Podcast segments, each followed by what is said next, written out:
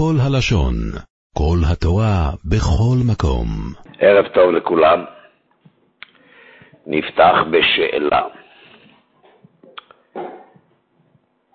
ראובן ושמעון,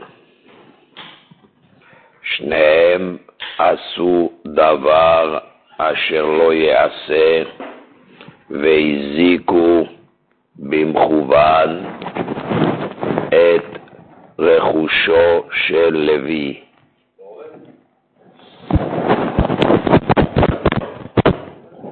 הזיקו את רכושו של לוי.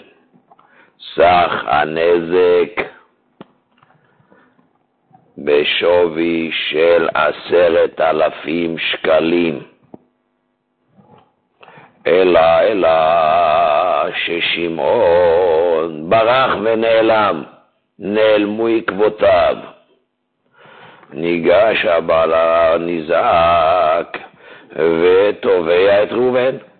כמה הזקתם? עשרת אלפים שקלים. איך הזקתם?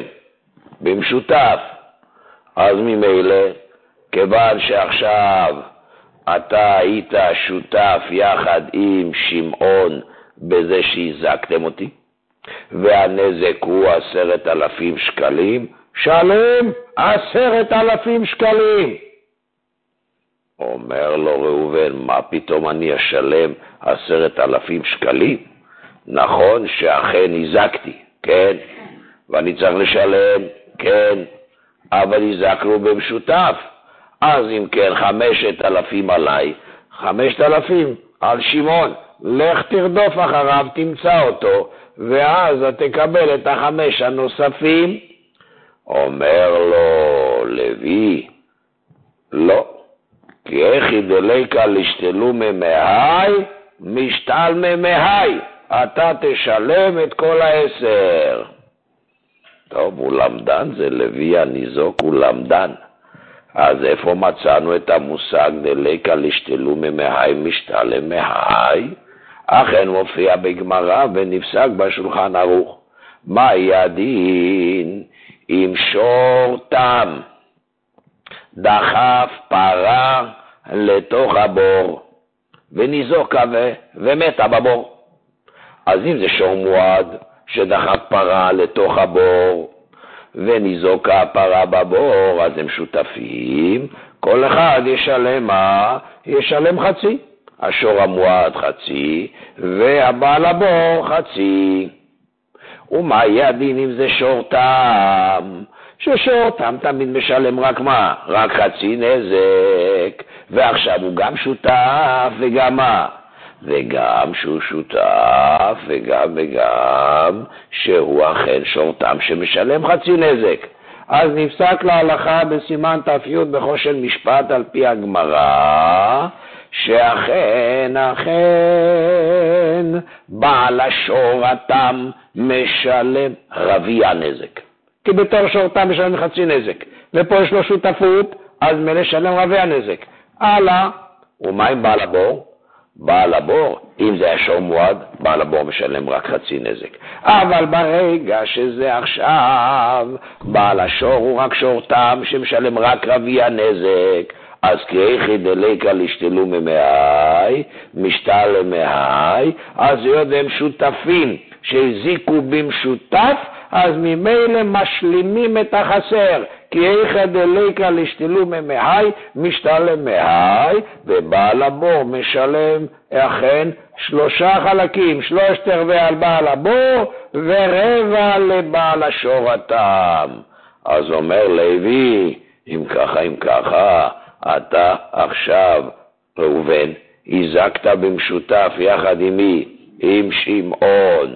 ועכשיו הייתם באמת, אם שניכם הייתם נתפסים שניכם יחדיו, כל אחד ישלם, עשרת אלפים היה הנזק הכללי, אז כל אחד ישלם חמשת אלפים. אבל ברגע ששמעון ברח, ועכשיו ליקה לשתלו משמעון, אני רוצה להשתלם ממך את כל עשרת אלפים. דומה או לא דומה? לכאורה דומה. אבל בגמרא שם כתוב, למה אכן מחייבים הגמרא דנה שם, האם בשותפים זה נקרא אי כולה ניסקה אביד ואי כולה ניסקה אביד, או זה נקרא אי פלגה ניסקה אביד ואי פלגה ניסקה אביד? אומרת הגמרא לעולם, גם אם נגיד שאי פלגה ניסקה אביד ואי פלגה ניסקה אביד, אם כל זה בעל הבור משלם עם בעל התור, השור רק שור תם, מפני שאנא תורה בברך אשכחתי, אני מצאתי את השור שלי בתוך הבור שלך, אז, אז מבארים התוספות, אז זה נקרא כאילו אתה בעל הבור, עשית את כל הנזק כאילו, כמובן שבעל השור ישלם רביע. אז ממילא עכשיו השאלה היא, האם זה המכוון או לאו דווקא? הנה מצינו מחלוקת ראשונים. מרן השולחן ערוך סימן ת"י סעיף ל"ז, יש מי שאומר, הוא הדין לשניים שהזיקו, ושניהם בני חיובה, אלא שאחד ברח, כמו הסיפור שלנו, ראובן ושמעון הזיקו, ושניהם ברי חיובה, אלא שמעון ברח, או שאין לו במה לשלם, משתלם מאחר, משתלם מראובן, כמו שלוי טבע, זה שיטת הרמה, הרמה בה', כן, הרמה הלוי, שהוא מהראשונים, שהוא בא ואומר, ליקה לשתלו ממאי, משתלם מאי, עד שיעור מה שהיה, הוא חייב על נזק זה, אילו עשהו לבדו. אם אתה ראובן היית עושה את הנזק לבדך, מה היית חייב? עשרת אלפים. אלא מה עשית את זה בשותפות? כל עוד שיש לכן אפשרות לגבות גם משמעון, אז אכן אתה חמש והוא חמש. אבל ברגע שהוא ברח, או שאין לו כסף לשלם, אתה משלם, ראובן, את כל העשר. התביעה של לוי היא אכן מוזכרת כאן כדעה ראשונה בטור ובשולחן ערוך, המיוחסת להרמה הלוי. אבל יש חולקים, רבי חזקיה, והטור חולקים. דכיוון דחברו מדין בר תשלומין, אלא שאין לו מה לשלם, למה יפרע זה בשבילו? זה לא דומה למקרה שאתה מדבר על שור תם שדחף לבור, שהתורה פטרה את בעל השור תם מלשלם את מה? את הנזק השלם, והוא פטור, והוא חייב רק חצי נזק, וברגע שיש גם שותפות אז זה נעשה רביע נזק, ואז אני בא ואומר, כי לקא דלשתילו ממאי, משתה למאי. אבל ראובן ושמעון, כל אחד הוא בר חיובה. כל אחד צריך לשלם את מה שהוא מזיק. ברגע שמזיקים בשותפות, אז צריכים כל אחד לשלם חצי חצי. אלא עכשיו מה קרה? שמעון ברח? או שמעון אין לו כסף לשלם? זה לא בעיה שלי, זה בעיה של מה? של, של, של, של, שלך, הניזק, תתבע אותו מתי שיהיה לך אפשרות לתבוע אותו, או שתתפוס אותו, או שיהיה לו כסף לשלם. אני משלם את החלק שלי. שניהם היו שותפים להזיק, כן. ועל זה הרמה סובר שאומרים כי לקה לשתילים ממאי משתה למאי גם במקרה הזה. ואילו החזקיה הלוי והטור אומרים לא, זה אני אומר דווקא מתי? איפה שהתורה פטרה את שמעון בעל השור תם. אז, וגם אני אומר, היתורה בברך אשכחתי. אבל עד כמה קצות החושן פה בא ודן על הצד שאתה לא מסתכל, שאכן הייתורה בורא אשכחתי, אז לא אומרים את זה, ואילו מביא אחר כך הקצות את דברי הרמב"ן, שמדבריו מורים, שאפילו אם היפלגה ניסקה עבד והיפלגה ניסקה עבד, כי ליקה לשתלו ממאי, משתה למאי זה לפי היד רמה. אבל לפי רב חזקיה לא, ואז ממילא, ואז ממילא צריך להיות שהמוציא מחברו עליו הראייה, אי אפשר להוציא, כן. אני הזקתי רק 20 אחוז, או 30 אחוז. לא, לא, לא, לא, לא, שניים שמזיקים לא נעשה 20 אחוז, אמרנו. יש לנו או האיקולה ניסקה והאיקולה, או האיפלגה פלגה, אין לנו 20 אחוז. אם היו חמישה מזיקים ביחד, כן. אז כל אחד תגיד 20 אחוז, כן.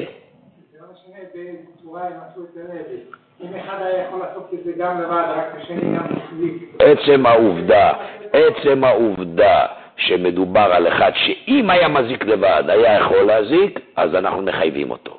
ואם כן, זהו הדין. שאנחנו באים ואומרים, למשל, אם יש לנו מצב שעכשיו אדם ושור דחפו לבור, וקרה, את מי הם דחפו? דחפו בן אדם. אז האדם צריך לשלם גם נזק, צער, ריפוי, שבט ובושת.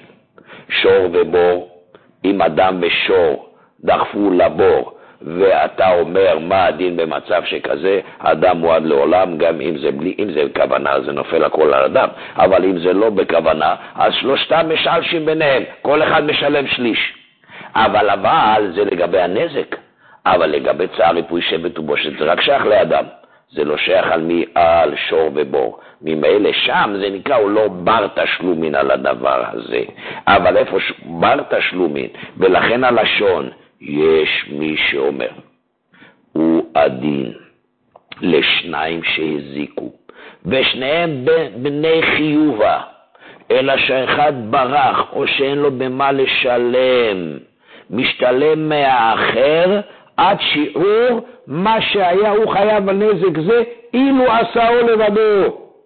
ואז מבואר שאם הוא היה עושה את זה לבדו, היה עושה את כל הנזק, אז שהוא עשה עכשיו ביחד עם השותף, הדין הוא שאכן לקה לשתולומי המשטר, וזה שליטת היד רמה. אבל רב חזקיה והטור חולקים. עכשיו, יש עוד הסבר אחר בשיטתו של היד רמה, מדוע אומרים גם בשניים שמזיקים מלקה לשתילו ממעיים משתל ממעיים. בואו ניקח הלכה אחרת. מה הדין שניים לווים עשרת אלפים שקל מהמלווה לוי? הלווה לראובן ושמעון עשרת אלפים שקלים. למועד פירעון, דרך משל, כשנה. הגיע מועד הפירעון. מגיע עכשיו המלווה לראובן ולשמעון ודורש מהם את החזר הכסף של ההלוואה. אומר שמעון, אין לי. או ברח או אין לו כסף. הוא באמת אין לו כסף, או שהוא ברח.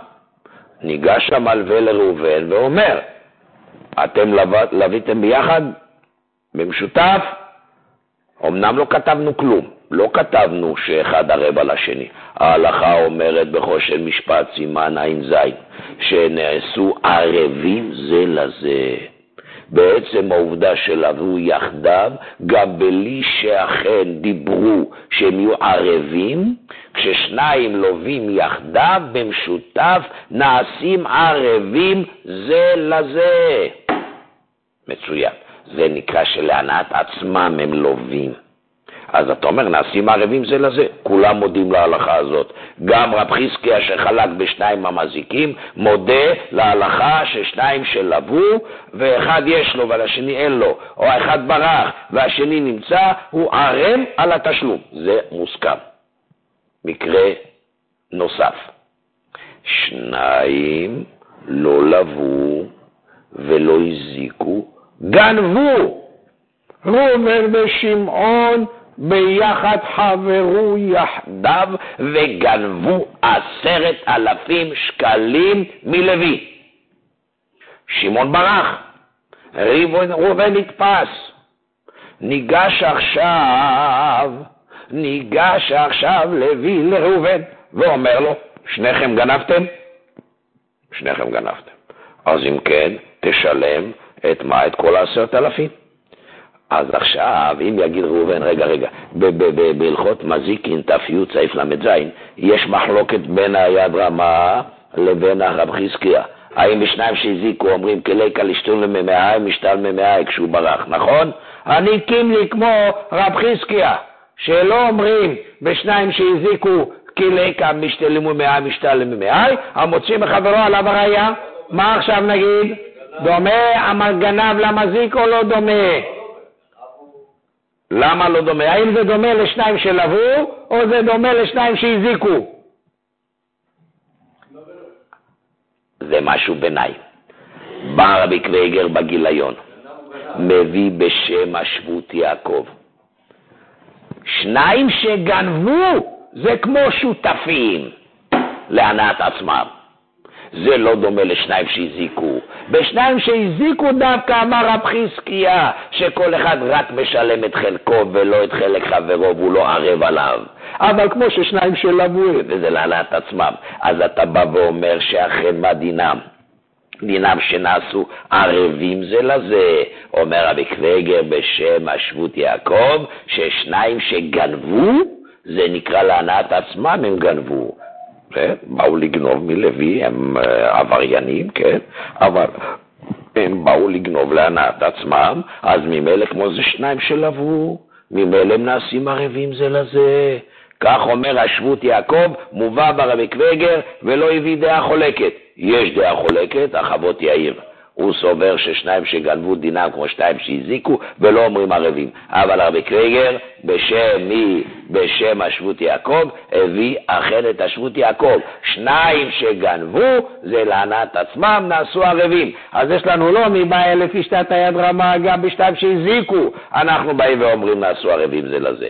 אלא גם אם אתה תחלוק ותסמוך כמו חזקיה, אומר רבי קוויגר בשם השבוס ינקר, שאנחנו באים ואומרים נעשו ערבים זה לזה, כן.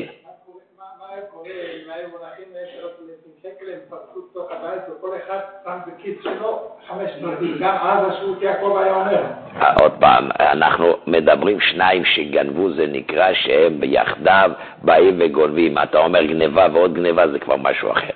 כמו בשניים שהזיקו.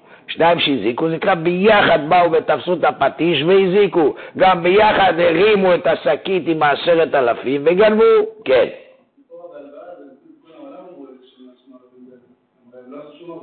למרות שלא עשו, אנחנו באים ואומרים, עצם העובדה שאתם להנאת עצמכם, נעשיתם ערבים. לכן בא ערוך השולחן ומסביר פשט חדש ביד רמה. למה היד רמה מחייב? אומר ערוך השולחן, נראה לי שסברת היד רמאי, כי כמו שבשניים שלבו, שלא חתמו ערבות, בכל זאת אתה מחייב אותם מדין ערבים. למה? כי עצם העובדה שהייתם שותפים בהלוואה, אז כך סובר היד רמה, שותפים בגניבה, שותפים בהיזק, גם שותפים בהיזק, לא צריכים לחתום. שותפות מחייבת ערבות. מי? ההלכה. ההלכה מחייבת, לא אכפת לי איזה כותרת תיתן להלכה. ההלכה מחייבת את השותפים, שכשאתם שותפים, אתם ערבים זה לזה. אז תקרא לזה תיקון העולם, תקרא לזה תיקון העולם. כשאתה בא ונותן לבן אדם להיות שותף להזיק, שותף לגנוב, שותף, לא משנה, הוא צריך להיות ערב. כך מסביר הערוך השולחן את מי? את היד רמה. אבל לפי ארבע חזקיה, בשתיים שמה שהזיקו לא אומרים לקה משתלו ממאי שתל ממאי, ואנחנו לא אומרים את זה, אלא רק לגבי בור שאנה בתורה בברך אשכחתי, ורק שם אנחנו אומרים את זה, ושניים שלבו כולם מודים שאומרים, ושני שותפים כולם מודים שאומרים, ואילו שניים שגנבו, מחלוקת השבות יעקב, ומי? והחוות יאיר. ומעשה שהיה, שני בחורים שכרו יחד מונית. נוסעים יחד מונית ביחד. לא שהמונית מרים את ראובן ולוקח את ראובן ואחר כך לוקח את שמעון, לא. ביחד שניהם שוכרים את המונית. טוב, עכשיו שואלים את בעל המונית כמה יעלה לנו לנסוע עד היעד, אומר להם 70 שקלים. 70 שקלים, בסדר גמור.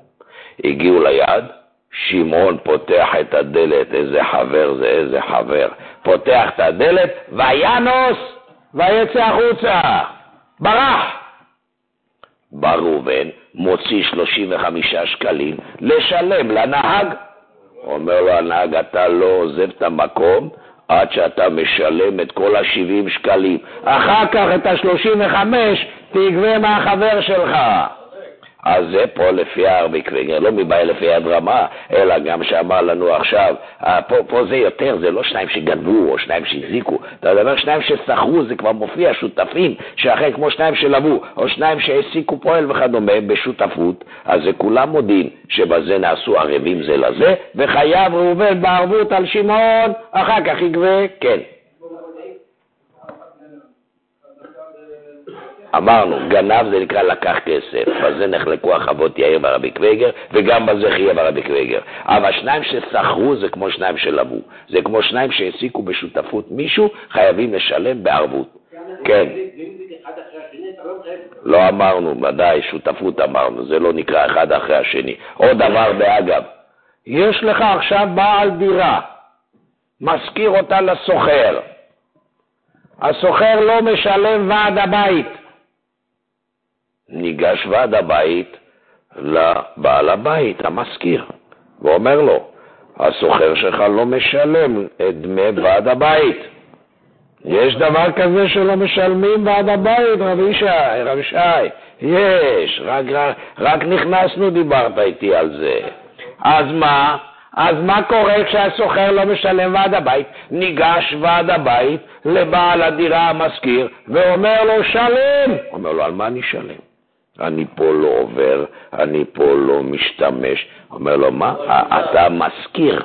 כשאתה משכיר דירה, ואתה משכיר תמורת כסף, אם גם לך הוא לא משלם זה בעיה שלך, אבל אתה עכשיו משכיר דירה, אתה ערב על התשלום של הסוחר.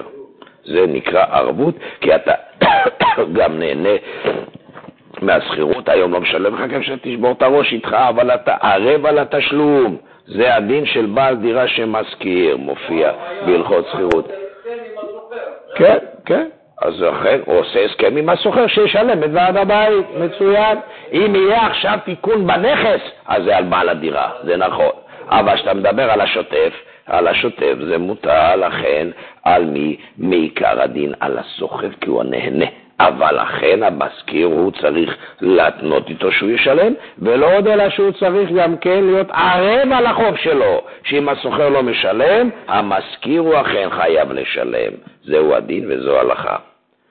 טוב, נעבור לשאלה הבאה, שאלה, אה, לשאלות שנשאלו בכתב, היום שאלה מהיום. אני קורא מה שכתוב. לכבוד כבוד הרב שליטה. לפני כחצי שנה, ביום שישי, ערב שבת קודש, איזה פרשה, לא משנה. הנחתי, זה מי כותבת, כותבת את השאלה. הנחתי את התיק שלי שאני יודעת שיש בתוכו מעטפה על סך 1,800 ש"ח. למי שייך הכסף? לבן שלי הקטן בן 12. איך הוא, יש לו כסף 1,800? הוא עבד ועבד ועבד עד שהצטבר לו 1,800 שקל. הנחתי את התיק עם הכסף במעטפה על קרש הגיהוץ בחדר. אוקיי. באותה שעה נמצאים בבית אני, סוגריים האימא, זאת כותבת המכתב, בני הקטן ובתי הגדולה. עכשיו, אני צריך לפתוח עכשיו פה טיפול בזוגיות. בעלי שבאותה עת היית, אה, הייתי מאוד כעוסה עליו, נהיה לי עליו הסתכלות מאוד שלילית. אם היא הייתה באה לשאול, הייתי צריך לבוא ולהדריך אותה בזוגיות, אבל זו שאלה שהיא שלחה על ידי שליח, אני לא יודע מי השואלת, אני קורא מה שכתוב. הייתי מאוד כעוסה עליו, נהיה לי עליו הסתכלות מאוד שלילית. נכנס לבית ועלה לקומה למעלה, כשהוא חייב לעבור ליד התיק שמונח על מה? על הקרש הגיהוץ. ניגשתי לבדוק את התיק והמעטפה והכסף נעלמו. רצתי מהר למעלה. שמע ישראל, רצתי מהר למעלה. חיפשתי עליו, על מי? על בעלי, על גופו ועל בגדיו במיטה ובכרית ובכל מקום שאפשר.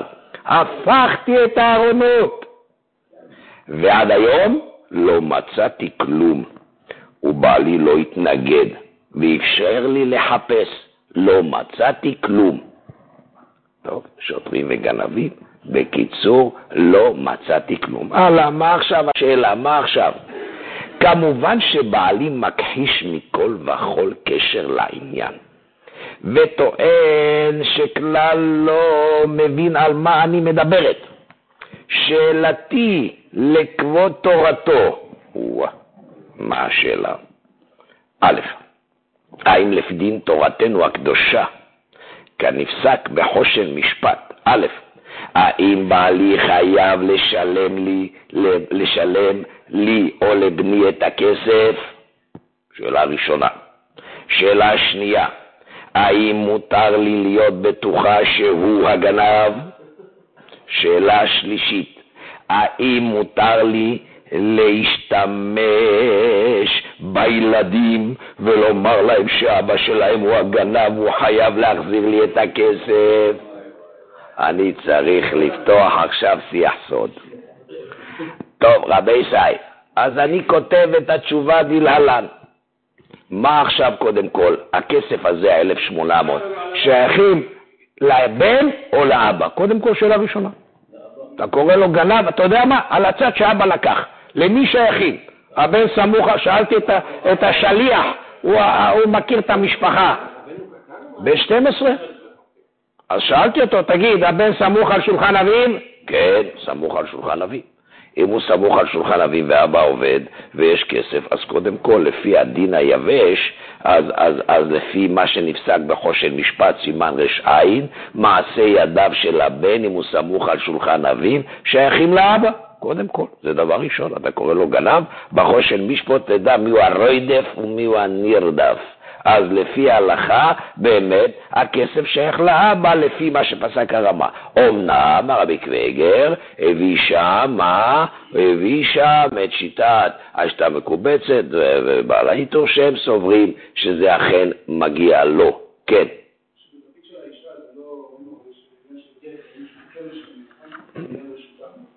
עוד פעם? אז מה אם זה מונח בתיק שלו? זה שייך לאבא. אם היא לקחה את זה, מותר לה לקחת? אין לה יותר לקחת. זה שייך, לה, שייך לאבא. זה דבר ראשון. אה, מה הסברה? זה מעשה שיטת הרייבד שטוען שמעשה ידיו זה כמו צער, כמו שחבלה נותנים לו, אז ככה מעשה ידיו. אבל עיקר רוב הראשונים סוברים לא ככה, סוברים זה שייך לאבא. הלאה, גם לדעה החולקת. במקרה שלנו, יש לך עדים שאבא גנב? את חיפשת גם, דלקת אחריו, כמו שפה יש תיאור, קראתי מה שכתוב, לא אני. האמא היא הכותבת. היא באה ואומרת, דלקתי אחריו, ואני באתי וחיפשתי, אל תשאל איפה. ולא מצא, אז, אז, אז, אז מוצאים מחבר עליו הראייה. על כן אני אומר לה, כותב, אז החושד בכשרים, לוקה בגופו, אסור לו, וקל וחומר שמה יש לדבר, לבוא ולהפליל את האבא בעיני הילדים, זה בוודאי ובוודאי לא יעשה בחס ושלום, זו הייתה התשובה. נו, מה נענה? גם שאלות כאלה מגיעות. כן. אני רק ברגע זה נזכרתי, בשנת תשמ"ט זכינו לשמש את מורנו האור לציון חכם בן ציון אבא שאול. היינו אכן עסוקים בספר אור לציון חלק שני שיצא וכדומה, הרב פטרו ואנוכי, והיה הכתבים מגיעים, ואנחנו, אבל ברגע שהרבנית, עליה שלום, אשתו של הרב, הייתה רואה לנכון שבא מישהו לשאול שאלות, היא הייתה אפילו באמצע הכל נעצר ושואל את השאלות. וראינו שהשאלות היו מהסוג הזה ודומה לו. שאלנו את כבוד הרב, יאמר לנו רבנו, גם כשאתם הייתם צעירים, גם הייתם שואלים כאלה שאלות? השיב מורנו האור לציון, כשאנחנו היינו צעירים היה דעת, היום משום מה הדעת חסרה. ולא עוד, אלא, אלא חמיב של האור לציון, זה הגאון הרב יוסף שרבני, שהוא היה חברותא יחד עם רב יוסף הכהן, החתן של הרב פרנק. על כל פנים, הוא המליץ ואמר, דעת קנית, אומרים רבותינו, מה חסרת? אז הוא המליץ ואמר, דעת קנית? מה, מה, מה, מה, מה, מה, מה חסרת? לא צריכים לשאול הרבה מה, מה, מה. הבנו? אפשר שאדם יהיה בדעת שלו בר דעת ולדעת להשיב על דברים אלמנטריים שכאלה. טוב, עוד שאלה בכתב. יש לי. מפתחות של בית הכנסת, שבדרך כלל סגור, פרט לשעות התפילה. בבית הכנסת מונח צרור מפתחות של כלל מנעולי בית הכנסת בתוך איזה קופסה.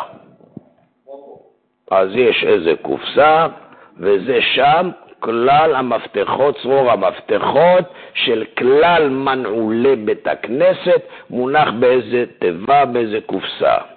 וכלל הציבור יודע מכך, הוא משתמש בהם לפי המקובל, זה בנגישות למתפללים, אתה רוצה ללכת לפה, אתה רוצה ללכת לשם, כדי שלא יבואו אנשים זרים ויגנבו את החנוכיה, אז לכן זה סגור. אבל על כל פנים, זה יש תיבה ששם מונח ושם אנשים יודעים. הלאה, זה הריק. ביום ראשון שעבר נכנסתי בשעת ערב עם ילד בן שש, שהוריו לא עליכם פרודים, והילד זקוק לעזרה לימודית נפשית, גם לימודית וגם נפשית. ולמדתי איתו בבית הכנסת, כשהוא נעול מבפנים, נעלנו את הכנסת מבפנים.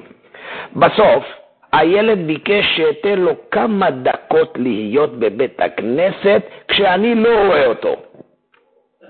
הילד הזה מטופל נפשית, והוא מבקש מהשואל שייתן לו להיות לבד, ואני לא אראה אותו. תגיד לי, זה, זה לא מראה לך שמזמינים פה משהו בעייתי? לא יודע. אז אם כן, לא הסכמתי. אני יודע שיש לילד הזה יצר מיוחד לאוסף מפתחות. יש לו לילד, כל אחד עם הפסיכוזה שלו, לילד הזה יש לו יצר מיוחד לאוסף מפתחות. וחשבתי שרוצה לנסות לפתוח מנעולים עם המפתחות שלו. ולא הסכמתי כדי לא להרגיל לו לדברים לא טובים. יפה, ההנהגה הראשונה יפה. הלאה. לאחר שכנוע מצידו, הילד מפציר ומפציר ומפציר, ילד בן שש. ואותו בן אדם מבוגר, והילד מפציר להיות לבד בבית הכנסת. לאחר שכנוע מצידו, הסכמתי לו לכמה שניות בלבד. יצאתי ואני שומע רעש של מפתחות, והבנתי שבאמת ניסה לפתוח מנעולים. בשבת קודש הגבאים התחילו לחפש את המפתחות בכל בית הכנסת, ולא מצאו. וזה גרם הרבה עוגמת נפש. יש מחסן שלא יכלו לפותחו, וכן עזרת נשים לא יכלו לפותחה, וכולי וכולי. ואז עלה ברעיוני, בדעתי, אולי הילד הזה הוא זה ש... שהלך לקופה, הוא יודע טוב מאוד, הילדים חושבים שלא יודעים, לא יודעים, או הם יודעים, הם יודעים יותר מכולנו. אז עלה בדעתי, אולי הילד הוא זה שלקח, ולאחר מאמץ ומבצעים הצלחתי להבין שהצרור אצלו. ולמחרת עדכן אותי שהמפתחות נמצאים היום איפה? אצל הרב שלו בתלמוד תורה. כן, הוא לקח את הצרור מהקופסה, ואני יודע מה עוד הצליח לעשות, ונתן את זה לרב שלו בתלמוד תורה. סוף דבר, הילד החזיר את הצרור. כשהוא חסר כמה מפתחות חשובים. כל זה הכותב רק יודע. בינתיים איפה כולם, הגבאים וכולם? לא יודעים. לא יודעים, אולי באו פה גנבים, אולי באו ולקחו את הצרור ולקחו מפתחות, ועכשיו נצטרך להחליף צילינדרים, מי יודע מה אנחנו פה. אבל אני, אני יודע. אני יודע, ואני רואה שהוא חסר כמה מפתחות חשובים, שכעת אינו יודע היכן הם, גם הילד לא יודע. בינתיים שמתי את הצרור במקומו, וכשהגביים יבואו פתאום יראו את הצרור, לא ידעו מניין הוא בא, ויראו שחסרים מפתחות לאחר מעשה. פניתי לאימא של הילד. האימא אומרת שהילד כבר הוחזק בגנבות, וכל המפתחות שבבית נעלמו, שלוש נקודות. יש לו מחלת גנבת מפתחות. כך אומרת האימא. כל המפתחות בבית נעלמו, נתת לו כמה שניות ליד לבד, הוא עשה שם פעולה. או, שאלתי, עכשיו השואל שואל, האם יש לי אחריות שמירה על מה שבבית הכנסת, מאחר שאני פתחתי אותו? והאם זה שנתתי לילד זמן שאני לא מסתכל זו פשיעה, מאחר שלא עלה בדעתי שהילד יגנוב? והאם מדיני שמיים על כל פנים יש לי אחריות?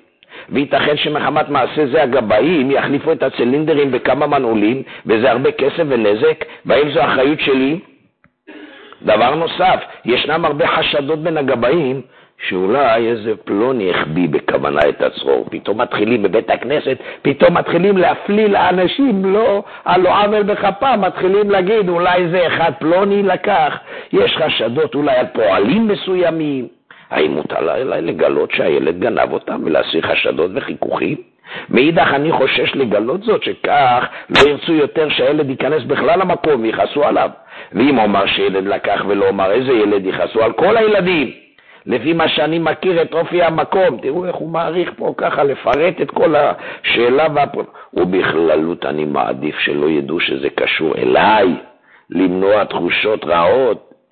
יש לי אולי אפשרות לנסות להעביר מידע אפור דרך רב בית הכנסת, או דרך גבאי מסוים שיותר נאמן בזה, בתקווה שלא יעבירו את המסר בצורה ברורה. הנושא חשוב, כיוון שהגבאים טרודים סביבו וחשוב להשקיט מהר את הסערה. יישר כוח וברכת התורה, פלוני המוני.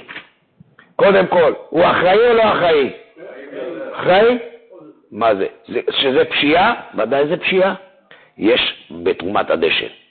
אדם קיבל פיקדון לשמור כסף. לקח את הכסף, שם אותו בקופסה תחת המיטה שלו. והנה יום אחד פלוני, אלמוני, לא מוכר, דופק בדלת.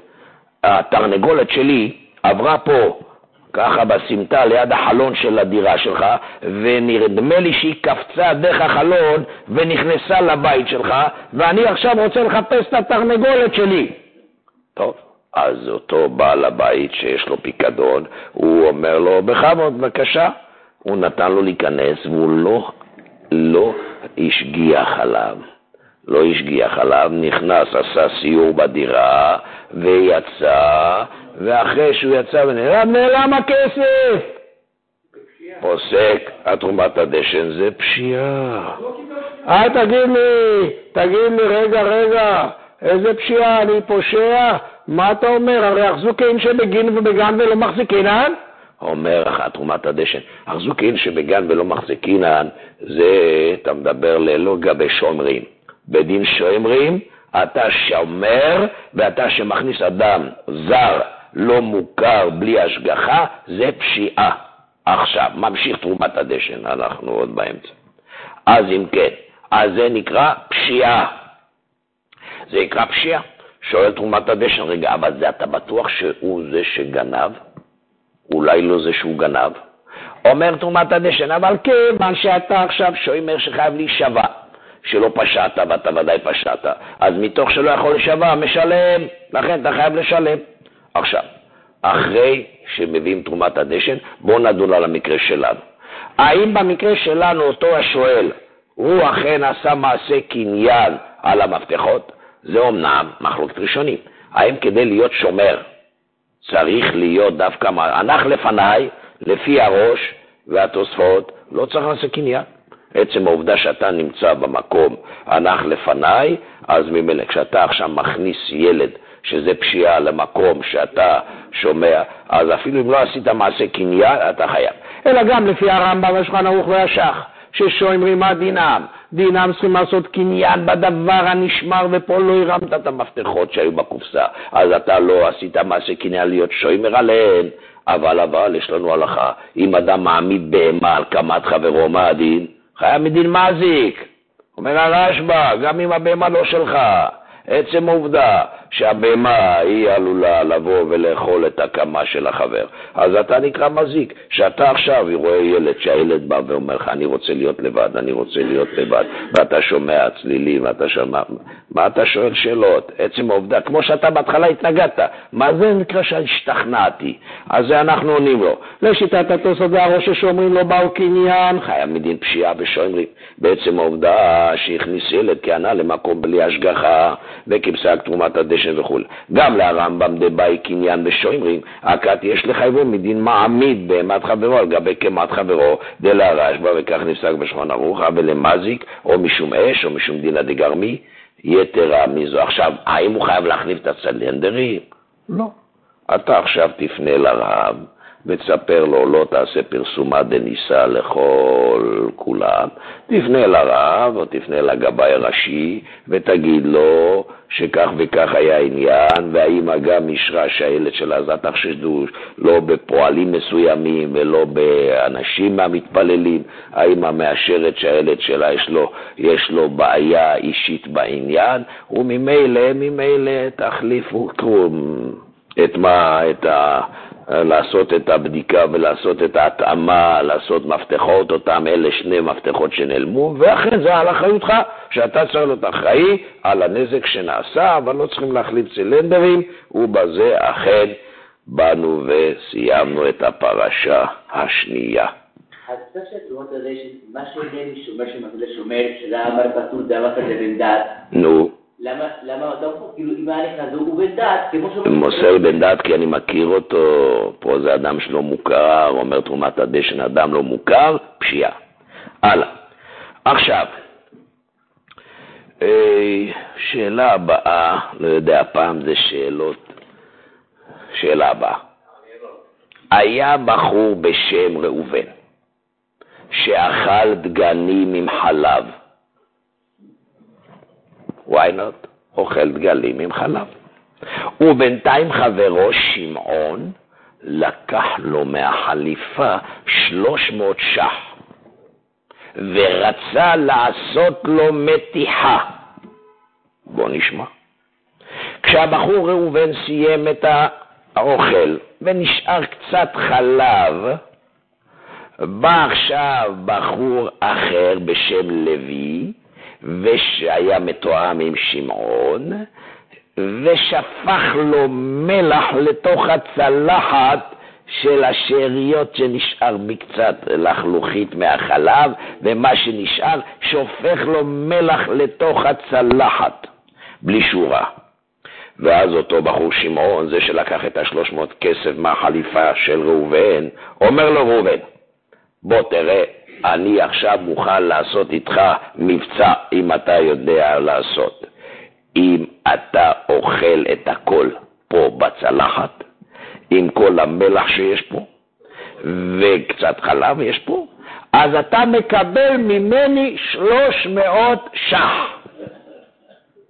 אבל בלי לשתות עם זה כלום, ובלי לירוק את המלח, אתה עושה את המבצע אוכל, ואז אני נותן לך שלוש מאות ש"ח.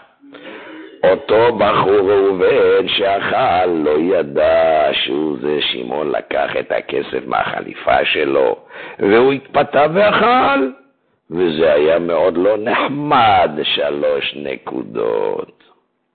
ולפני שראובן אוכל, את מה, את מה שהיה שם עם המלח, הוא בא ואומר לו, תראה, שמעון הרי, הרי מתחייב לתת לך 300 שלח, אני ערב. למדנו פה היום דיני ערבות, כן? אומר עכשיו לוי, אני ערב. אם עכשיו שמעון לא ייתן לך 300 שח, אני ערב לתת לך משלי. מה עשה עכשיו ראובן? אה, ראובן, הוא, הוא אכל, ואז שמעון מה עושה? הוא עכשיו בא ונותן לו את השלוש מאות ש"ח. והנה עכשיו, הוא כשהוא נותן לו את הכסף, אז הוא עכשיו נותן לו את הכסף, ומה אומר לו? הנה לך הכסף שלוש מאות ש"ח. אחר כך הוא מספר לו את הסיפור שזה מהחליפה שלו. עכשיו הם שואלים, אלה שכתבו את השאלה, מה הדין, האם חייב לו את השלוש מאות ש"ח משלו, או לא חייב לתת לו משלו, מה הדין הערב וכולי. רבי סי, קודם כל על שאלה כזאת, מה צריכים קודם כל לענות? צריכים מחאה נמרצת. אדם שגוזל על מנת להשיב, עובר על איסור גזל. אדם שגוזל על מנת למיקת, עובר על איסור גזל. הוא עושה צחוק. מה זה צחוק? לא מכל דבר מותר לעשות צחוק. גוזר, אה? כן, גונב וגזל אותו דין. גונב על מנת, למה? לעשות צחוק, גונב על מנת להשיב, חי אסור מלאו שמשום גזל, הגמרא דורשת מפסוקים. אז אם כן, זה מזכיר את המהרי"ל דיסקין, עליו השלום. אמר המהרי"ל דיסקין, אני חשבתי כשהוא היה צעיר, אבא שלו, הרב בנימין דיסקין, הוא היה הרב, והוא היה עוד צעיר. וכל שאלה ששואלים את אבא, אני שומע מה הוא עונה, ואני יוצא, הולך לצד, כותב את התשובה ככה במהירות, ואחר כך חוזר לראות מה אבא השיב, ואני רואה שבדיוק תואם, תואם לי בדיוק מה שאני עניתי. כמעט יום אחד חשבתי שאני כבר הגעתי כמו אבא, הגעתי למדרגה של אבא, אמר אמריל דיסקין בהיותו צעיר. והנה יום אחד באו לשאול את אבא מה הדין ספר תורה בר מינן נפל בפני הקהל, מה הדין, צריך להתענות, לא צריך להתענות, מי צריך להתענות, שאלו שאלה, ואני שומע את השאלה ואני הולך לצד וכותב מיד את התשובה וחוזר. ומה אני רואה את אבא? אבא יושב על הרצפה וכולו בוכה, בוכה, בוכה. עכשיו הבנתי מה ההבדל ביני ובין אבא, הבנו. קודם כל על שאלה כזאת צריך לבכות, צריך להביע מחאה. מה זה פה, משחק ילדים? על מה אתם משחקים? משחקים בגנבות? עושים מזה מבצעים, זה הדבר הראשון. אחרי שמביעים את המחאה הנמרצת, עכשיו נבוא לגופו של עניין. אז לגופו של עניין, אנחנו יודעים כל דאי אסמכתא גם על מצב סתם, בלי גנבות. סתם בן אדם אומר לחברו, תקדמני יוני, תקדמני יונך, עושים תחרות. מה הדין? כל דאי אסמכתא הדין הוא שאכן אסמכתא לוקניה לא מתחייב בכלל. פה במקרה שלנו, על אחת כמה וכמה, הוא בכלל מראש מה הוא יודע, בשביל זה הוא עשה את כל התרגיל הזה, כדי לקחת ואחר כך להחזיר. וגם אם אתה מדבר על הרבע על אסמכתא, יש בזה גם דיונים בקכ"ט ויורד בחושן משפט, והרבה סוברים שעד כמה שנפל היסוד נפל הבניין. אם הלוי והתחייב בהתחייבות לא של הלוואה אלא של אסמכתא, אז גם הרבע לאסמכתא לא חייב. יש מי שמחייב, יש מי שפוטר, יכול להגיד קימלי, אבל במקרה שלנו לא צריכים לכל זה, מפני שמראש בכלל לא התחייב לבוא ולשלם, אלא להחזיר לו את הכסף שהוא לקח, בשביל זה עשה את כל התרגיל. אז אם כן, בוודאי שאין לעשות את הדברים האלה, גוזל על מנת למיקת זה גוזל. טוב, שאלה אחרונה, גם מן הכתוב. בתי שתחיה בגיל 14, חלמה חלום מפחיד, ותוך כדי צרתה בחלומה אמרה שאם תנצל, תתרום את כל הכסף שלה, 700 שקלים לצדקה. זה, כל זה בחלום. עכשיו השאלה, האם צריך והאם מועיל להתיר לה את הנדר? האם נדר בחלום חל, לא חל? אז כך שואלים פה בשאלה, ובפרט הוא אומר, הרי אני עשיתי בערב ראש השנה, מסרתי מודעה עבור כל בני הבית, שעכשיו כל הנדרים שלהם לא יהיה נדרים. האם זה מועיל? תשובה, אף שמעיקר הדין נדר בחלום לא אהבה נדר. דיברנו פעם. מכל מקום חושבים לכתחילה לדעת יש אומרים המובאת ביורה דעה סימן ר"י סעיף ב' להתירו. ובפרט בנדרי צדקה כהנ"ל. פתחי תשובה הביא תחתם סופר שאומר שאולי אדם נודר מהרהורי ליבו ויש מי שאומר נדיב לב עולות, אז חוששים להתיר. לא מעני מה שאבא אמר נוסח מסירת המודעה עבור ביתו, דנפסק בשולחן ערוך יורה דעה, סימן רכ"ח, סעיף ט"ז, דאין הנודר עושה שליח על הנדר, גם לא את האבא. בעל ואשתו, אישה יכולה לעשות את בעלה שליח, ועד כמה שהם בין כך מכונסים מועיל. אבל אבל, לא מועיל אדם אחר, גם לא הבת, אז היא מילא בחי גבנה, לא מועיל מה שהוא עשה בערב ראש שנה. בדין מעשה ידי ביתו, היא בת 14, כבר ילדה גדולה גם כן. בדין מעשה ידי ביתו כבר הזכרנו שיש מחלוקת, האם מעשה על אביה, כמו שפוסק הרמה, או כמו שהזכרה בקוויגר שם בעל העיטור ושתה מקובצת שלה. על כן מכל הנ"ל ראו שתעשה עטרה, וטוב שיהיה בעשרה אם יתאפשר, כמו שעושים עטרה לנדרי חלומות. ברוך אדוני לעולם, אמן ואמן. רבי חנניה בן הקשה אומר, רצה הקדוש ברוך הוא לזכות ישראל, לפיכך בא להם תורה ומצוות, שנאמר, אדוני חפץ למען rizqו, יגדיל תורה וידיר. עולם שלם של תוכן מחכה לך בכל הלשון, 03 617 1111